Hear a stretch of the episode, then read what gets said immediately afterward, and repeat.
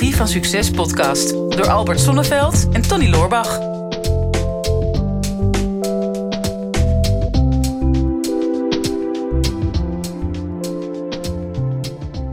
Ja, Tony, we hebben er al een heleboel flauwe grappen over gemaakt. Ehm, en weten we het wel zeker of we deze uitzending gaan doen? En, nou, Hmm.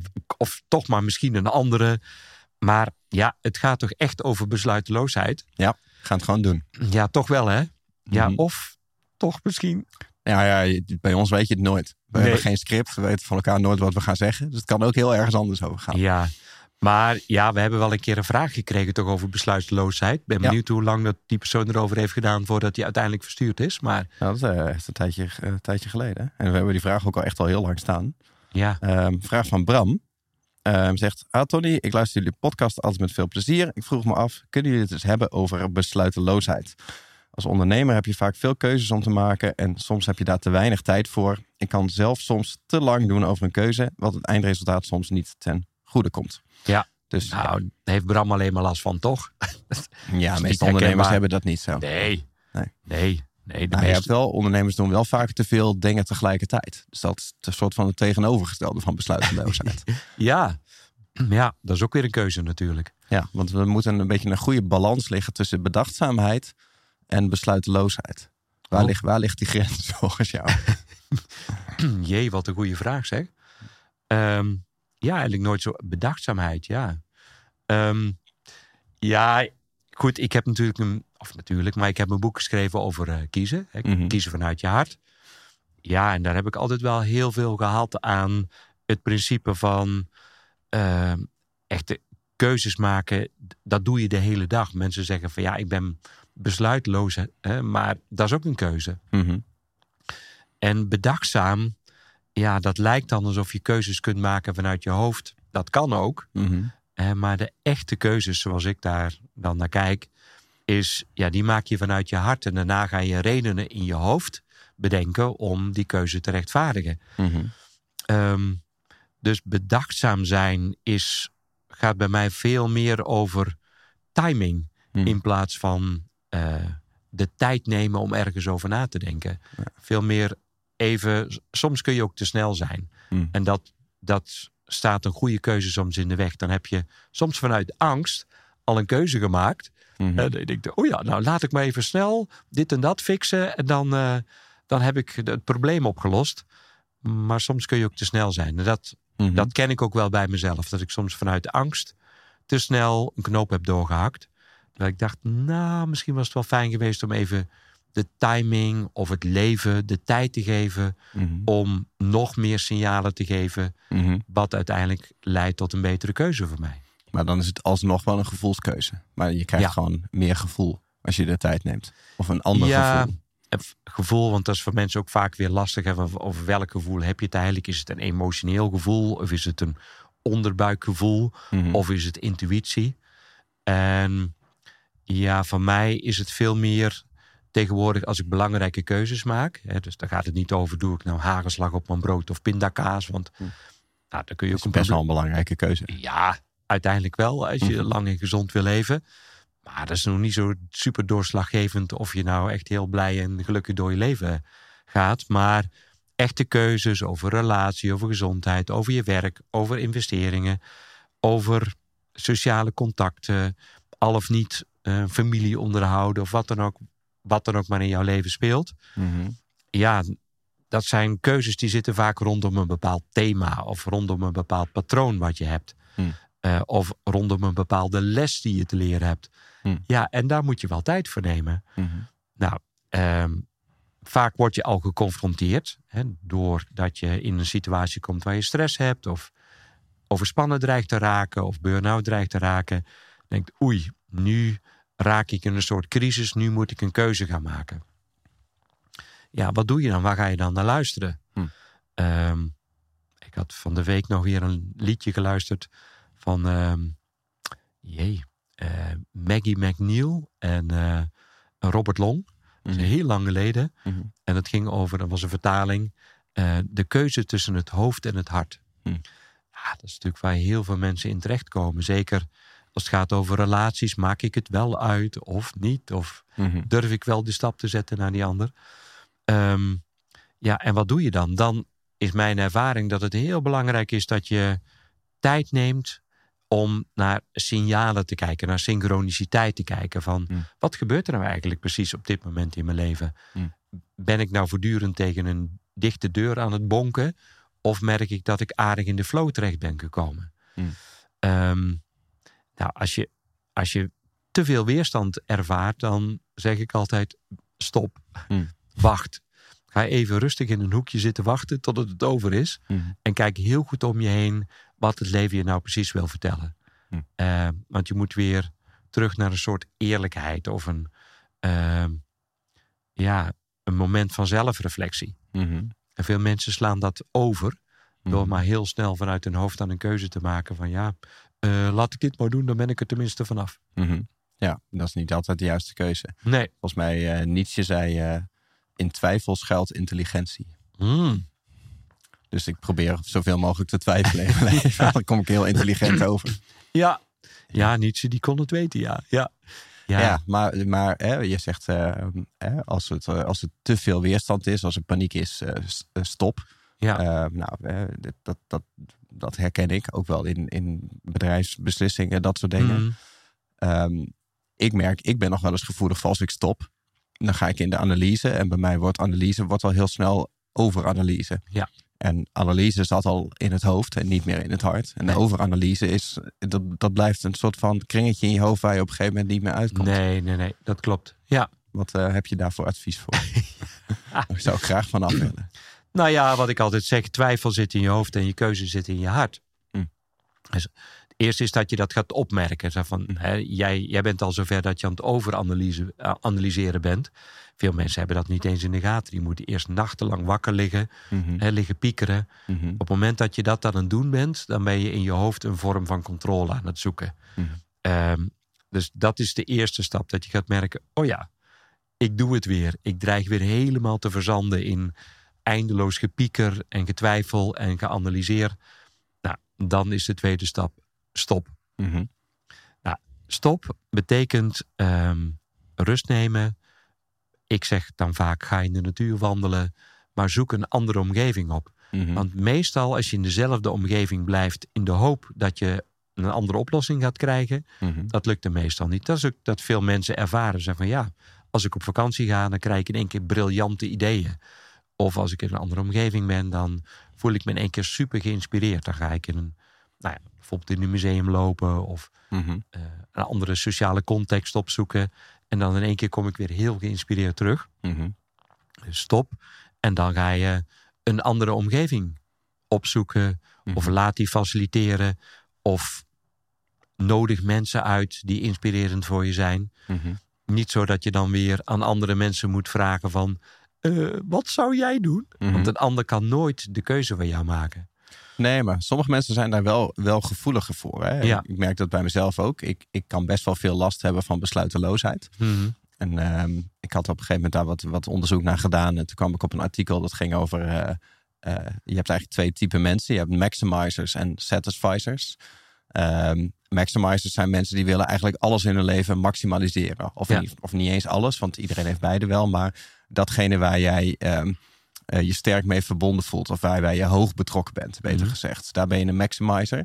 En je wil daar maximaliseren. Dus je wil altijd de beste beslissingen nemen.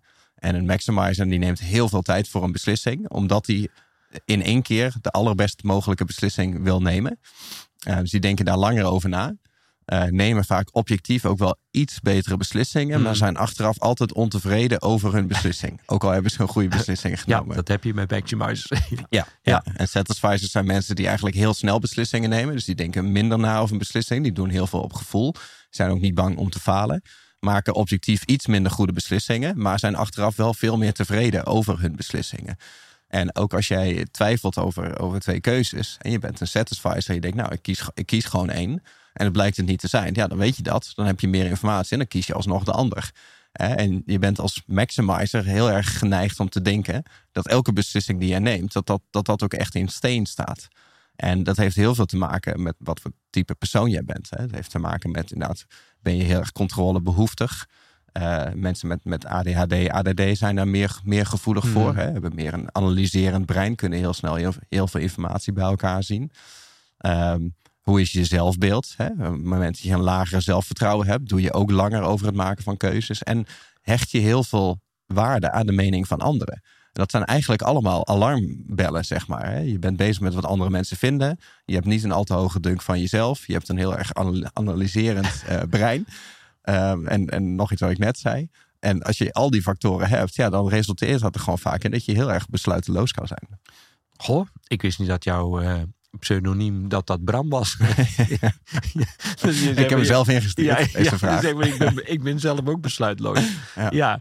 nou, het, ik denk dat heel veel mensen dit wel kennen ook. En, het, Mhm. en dat is ook het mooie, denk ik. Ehm, ah, gaan, hè, als je kijkt in de filosofie, zijn er ook weer verschillende stromingen over van ja, hoeveel keuze heb je eigenlijk in je leven? De ene zegt Mhm. van ja, de ene stroming die zegt ook wel religieuze stromingen, spirituele stromingen. Mhm. Van ja, het, dat is het mooiste recht wat wij hebben, hè? de, de Mhm. mogelijkheid tot keuze, Ehm, de keuzemogelijkheid. En anderen zeggen ja, in de wereld van non-dualiteit, ehm, ja, je hebt helemaal niks te kiezen, alles is al voor je bepaald. Mhm. Dus leef nou maar gewoon je leven. Mhm. Het is toch al ingevuld, dus maak je niet te druk. Ja. Ja, ik, ik neig toch meer naar de eerste. Ik heb juist, ik, ik voel juist het, ja, de blijheid van, goh, ik heb invloed op mijn leven en ik heb invloed op mijn keuzes. Ik denk Mhm. wel dat een aantal grote dingen in het leven, die komen op je pad. Wij, wij moesten elkaar ook tegenkomen, Tony. Dat was Mhm. gewoon onvermijdelijk natuurlijk. Hè? Wij, denk het, ja. ja, ehm, dat was fijn voor ons en voor de wereld. ja. Maar Eh. heb je daar nou werk van gehad Ja, de afgelopen jaren? ja, ja, dat ook. Maar goed, eh, ik heb er ook veel van geleerd natuurlijk. Hmm. Maar als je nou, eh en nog even terug te komen, en hoe, hoe, hoe ga je daar nou precies mee om? Want veel mensen herkennen het, ook hè, Mhm. die Maximizer bijvoorbeeld. eh, heb ik soms ook wel eens. Mhm. Ook, ja, zeker als je wat perfectionistisch bent, hè, dan Mhm. wil je ook het, het maximale resultaat bereiken. Maar als je dan in je hoofd zit, hè, want ik, ik hou ook wel van de speed of implementation. Hè, dat je ook wel doorpakt, Mhm. dan zit je weer meer aan die andere kant. Eh, en dan maar zien wat het resultaat is. Maar precies wat jij zegt, bedachtzaamheid is, zit daar mooi tussenin. Mhm. Ehm, nadat je gestopt bent en nadat je een andere omgeving hebt gecreëerd voor jezelf, ja, is het belangrijk dat je rust creëert. Ehm, zeker bijvoorbeeld hè, mensen die in een relatiecrisis zitten. In emotionele toestanden Mhm. moet je geen keuze maken. Mhm. Want dan is die echt gebaseerd op emotie en, en niet op wat ik dan noem de bedoeling. Mhm. Ehm, ja, dan, dan ga je vaak mee in je emotionele drama. Dan voel je je nog slachtoffer of dader. Of je probeert nog de situatie te redden. Maar dat is niet waar jij dan bent. Gecenterd, dicht bij jezelf. eh, en dicht bij je hart dus. Ehm, dus zorg ook voor kalmte. Eh, dus rust. Hè. Je Mhm. bent in een omgeving. Er is rust. En vanuit die rust... Ja, een, een vraag die je zou kunnen stellen is... Ja, wat wil zich nou precies ontvouwen in mijn leven? Wat zijn nou Mhm. precies de patronen? Wat, ja, is het iets wat ik herken van mezelf? Is het iets, ben ik voor de zoveelste keer in die valkuil gelopen? Of is dit de eerste keer? Wat leer ik hiervan? Mhm. Niet te veel analyseren weer. Even op, meer objectief kijken. Uitzoomen. Waar sta ik ergens? Mhm. Ja, en dan ontkom je er niet aan dat je, ja, ik noem dat dan proefballonnetjes gaat oplaten. Mhm. Want heel eerlijk gezegd, in je hoofd weet je het ook niet. Je kunt nooit de toekomst voorspellen op basis van ervaringen uit het verleden. Mhm. In je eigen leven dan. En want ja, het enige wat je weet, als je deed wat je, hè, doet wat je altijd deed, dan krijg je wat je altijd kreeg. Mhm. Dat is de enige voorspelling die je hebt. Maar wil je een andere uitkomst? Of wil je een knoop doorhakken van iets wat je nog niet eerder hebt meegemaakt in je leven? Ja, dan kun je dat maar op één manier doen door kleine dingetjes te gaan ervaren. Kleine stapjes te gaan zetten in een bepaalde richting Mhm. die je nog niet eerder uitgeprobeerd hebt. Mhm. En kijken of dat past. Mhm. En dan heb ik het altijd over een rood verkeerslicht en een groen verkeerslicht. Je gaat dus op pad met een nieuwe keuze voor jezelf. Met een klein stapje. Je gaat eigenlijk van de rotonde af. Je pakt een zijslag, in, Mm. eh, een zijweg, een afslag. En dan, ja, dan merk je wel of je dan weer weerstand gaat krijgen in je leven. Of dat je flow gaat krijgen. Mhm. Dus dat is het rode verkeerslicht of het groene verkeerslicht. Mhm. En als het goed is, kun je dat ook voelen Mhm. in je lijf. I- ehm, ja, ik stel mezelf altijd de vraag: voelt het licht? Of ehm, ja, word ik er blij van? Mhm. Of voel ik iets van enthousiasme? Of voel ik iets van nieuwsgierigheid? Of voel ik iets van gepassioneerdheid? Terwijl ik dat pad ingeslagen ben. Mhm. Of ja, voelt het zwaar? Voelt het een beetje ongemakkelijk? Begin ik meer lichamelijke klachten te krijgen bijvoorbeeld? Ga ik slechter slapen? Krijg ik meer hoofdpijn? Krijg ik meer stressgerelateerde klachten? Dan weet ik al, uh, uh, verkeerde afslag genomen. Mhm. Terug naar de rotonde. Nieuwe afslag nemen Mhm. met een ja, nieuw proefballonnetje. Dat uitproberen en kijken. Uiteindelijk vorm je zo een soort route voor Mhm. jezelf. Waarvan je wel gaat ontdekken wat voor jou de beste keuze is. Mhm. Ja. Ehm, soms merk je na heel veel rode verkeerslichten dat je zo moe en zo gefrustreerd en zo murf geslagen bent door het leven. Dat je dan ook een rigoureuze keuze kunt maken. En dan zeg je van nou, het is, het is nu zo duidelijk. Nu hak ik die knoop ook door. Mhm. En ja, dan heeft het leven je ook geholpen om uiteindelijk ja, in een nieuwe re- realiteit terecht te komen. Ja, maar ik, ik herken dat stukje inderdaad wel heel erg. Hè? Dat je, eh, je, je hebt gewoon meer informatie nodig vaak om een keuze te nemen. Hmm. En die informatie die, die heb je niet en die krijg je ook niet in je hoofd. Hè? Volgens mij, eh, ehm, eh, Jan Geurts die beschrijft dat ook in zijn boek Verslaafd aan Denken. Hè? Dat ehm, eh, je komt in analysemodus in je brein. En eh, analyse, en zeker overanalyse, is op de een of andere manier verslavend. Het voldoet aan alle symptomen van een verslaving. Je kan letterlijk verslaafd zijn aan denken. En je probeert iets op te lossen in je hoofd. Hmm. Wat niet kan, want je hebt niet genoeg informatie. Je hebt alleen jouw herinneringen uit het verleden. Maar je kan inderdaad de toekomst nog niet voorspellen. En Nee. in een nieuwe situatie, ja, die input is er niet. Dus je komt in een soort van kringetje. Hè? Je creëert problemen in je hoofd. En met je, datzelfde hoofd ga je proberen om die problemen op te lossen. En, en dat lukt niet. Maar zolang je er maar in blijft hangen, blijft het een soort van verslavingsfactor geven. Waardoor het heel comfortabel is om daar, om daar niet uit te gaan. Op een gegeven moment moet je dat patroon inderdaad breken en gewoon daadwerkelijk iets gaan doen. Ja. Eh, het is letterlijk eh, faal je weg vooruit. Hè, dus, dus ja, weet je, Ja. dus ga gewoon iets doen. En als het faalt, dan weet je dat. Mm. Dan heb je die info. Ehm, en dan heb je meer informatie dan toen je die beslissing nog niet had genomen. En dan ga je er vervolgens iets anders doen. Dat, ga- dat, dat gaat natuurlijk veel sneller. briljant, fa- faal je weg. ja, ik, ik, ik heb zoiets in het Engels van to fall in love, maar dat is een beetje Nee, dat is iets anders. Ja. Ja, ja. Nou, dat lukt mij ook wel. Eh, falend, maar dat is een heel- onderwerp voor een andere podcast. Ja. Goh, ja, maar dat, dat is het wel. Hè. Ehm, en ik merk wel natuurlijk, hè, je mind wil alvast controle hebben op de, op de uitkomst. Mhm. Ehm, en soms helpt het mij wel als ik zeg van nou, hè, stel dat ik een keuze maak. En ik, ik zie dat vaak bij ondernemers.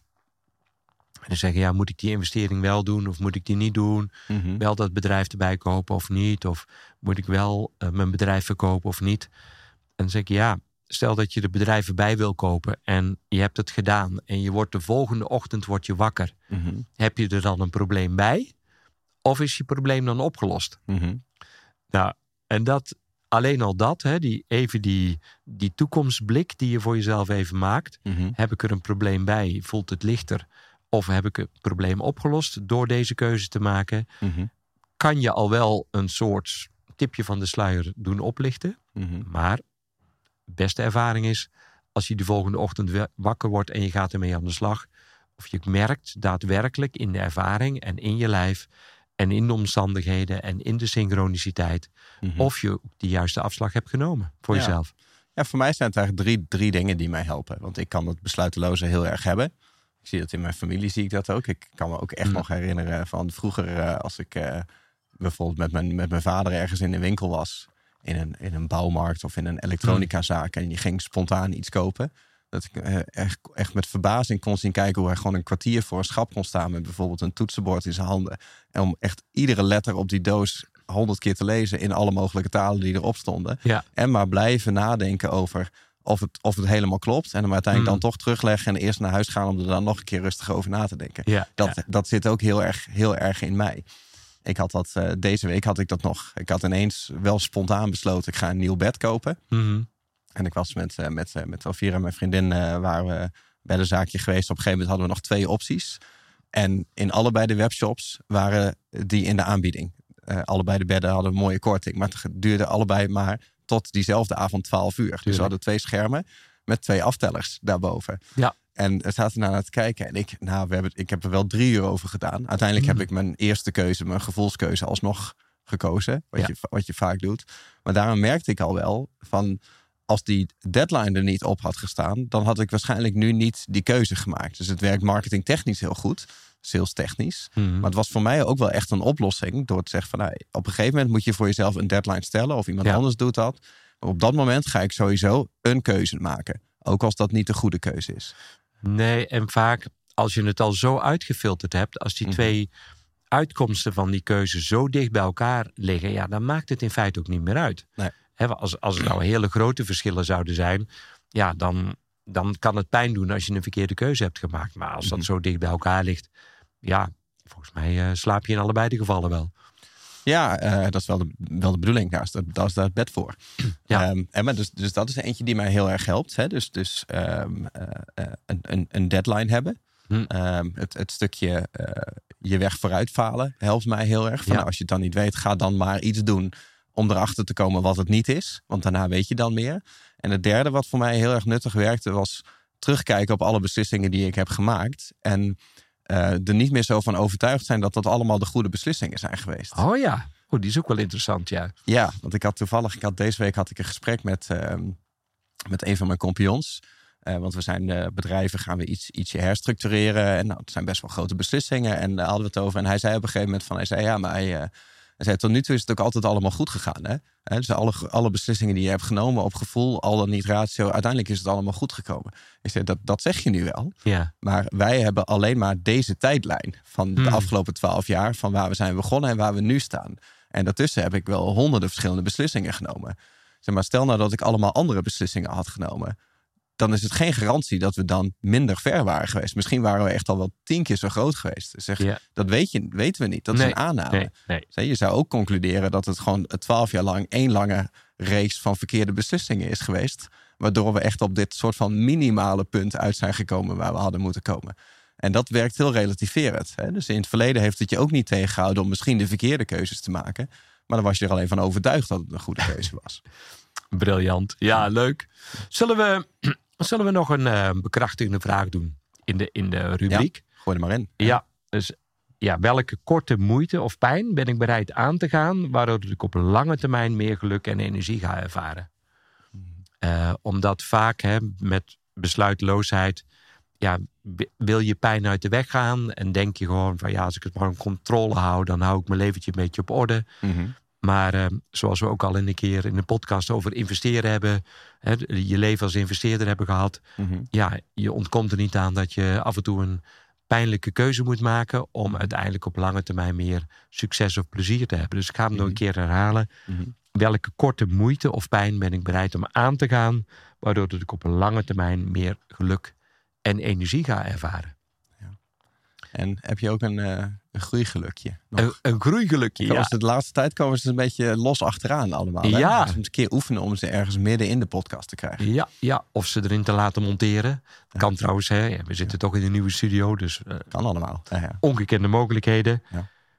Nou ja, ehm, neem vandaag een kort moment voor jezelf om alle nadelen op te schrijven voor wanneer je te lang blijft twijfelen. Oh, ja. En hoe ziet je leven er dan uit over een maand, over vijf jaar, over een jaar, over tien jaar? En wat voor gevolgen zou dat hebben voor je gezondheid en voor je relatie en voor je financiën? Mhm. En dus wat zijn alle nadelen als je te lang blijft twijfelen in je besluiteloosheid blijft hangen? Dus het moet een beetje pijn doen. Mhm. En dan maken ze een tijdlijn gewoon. Een aantal periodes achter elkaar van een maand en Mhm. jaren, vijf jaar, tien jaar. En dat was eh, de Dickens eh, pattern, hè, die we van Anthony Robbins geleerd hebben ook. Die, die gaf dat ook aan. Hè. Die, die voerde die pijn lekker op. Mhm. En dat was uiteindelijk voor veel mensen ook eh, de reden om dan een knoop door te hakken. Zeggen van ja, Mhm. als mijn leven er zo uit gaat zien, als ik maar een beetje blijf ronddwalen Mhm. in mijn huidige besluiteloosheid, dan haal ik die keuze een beetje naar voren. Ja, besluiteloosheid kost natuurlijk elke dag energie. Je hebt ook wel eens Ja. gezegd, niks geeft meer rust dan een genomen besluit. Ja. Alleen er zit vaak de, de korte termijn pijn, is, is vaak gewoon eh, eh, meer aanwezig voor mensen, of meer tastbaar. Hè? Zeggen, kiezen is verliezen. Hmm. Als je tussen twee dingen moet kiezen, als je het één kiest, dan kies je automatisch het andere niet. En eh, dat is één keer winst tegen één keer verlies. Ja, verlies weegt gewoon zwaarder in je brein dan winst, zeker op korte termijn. Dus wil je niet die ene keuze verliezen. In ieder geval, je vindt het belangrijker dat je die ene keuze niet verliest, dan dat je die andere keuze daadwerkelijk wint. Dat is waar mensen heel veel blijven, eh, blijven stoeien op, eh, Ja. op, op korte termijn. Ja. ja, over verliezen gesproken. Het laatste wat we willen is jou verliezen. dus ehm, ja, als je nu luistert naar de podcast en je hebt inmiddels nog niet ons YouTube-kanaal gevonden. Iedereen in zijn leven maakt natuurlijk fouten, dus dat is allemaal niet zo erg. Maar ga dan eens naar het YouTube-kanaal. En wij vinden het echt heel leuk als jij eh, een comment achterlaat of een duimpje. En misschien ook aangeeft in de comments wat jouw besluiteloosheid op dit moment is. En wat jij wil doen om je leven een nieuwe draai te geven. Dat kan super inspirerend werken voor een ander, maar natuurlijk ook voor ons. Dan blijven we in contact.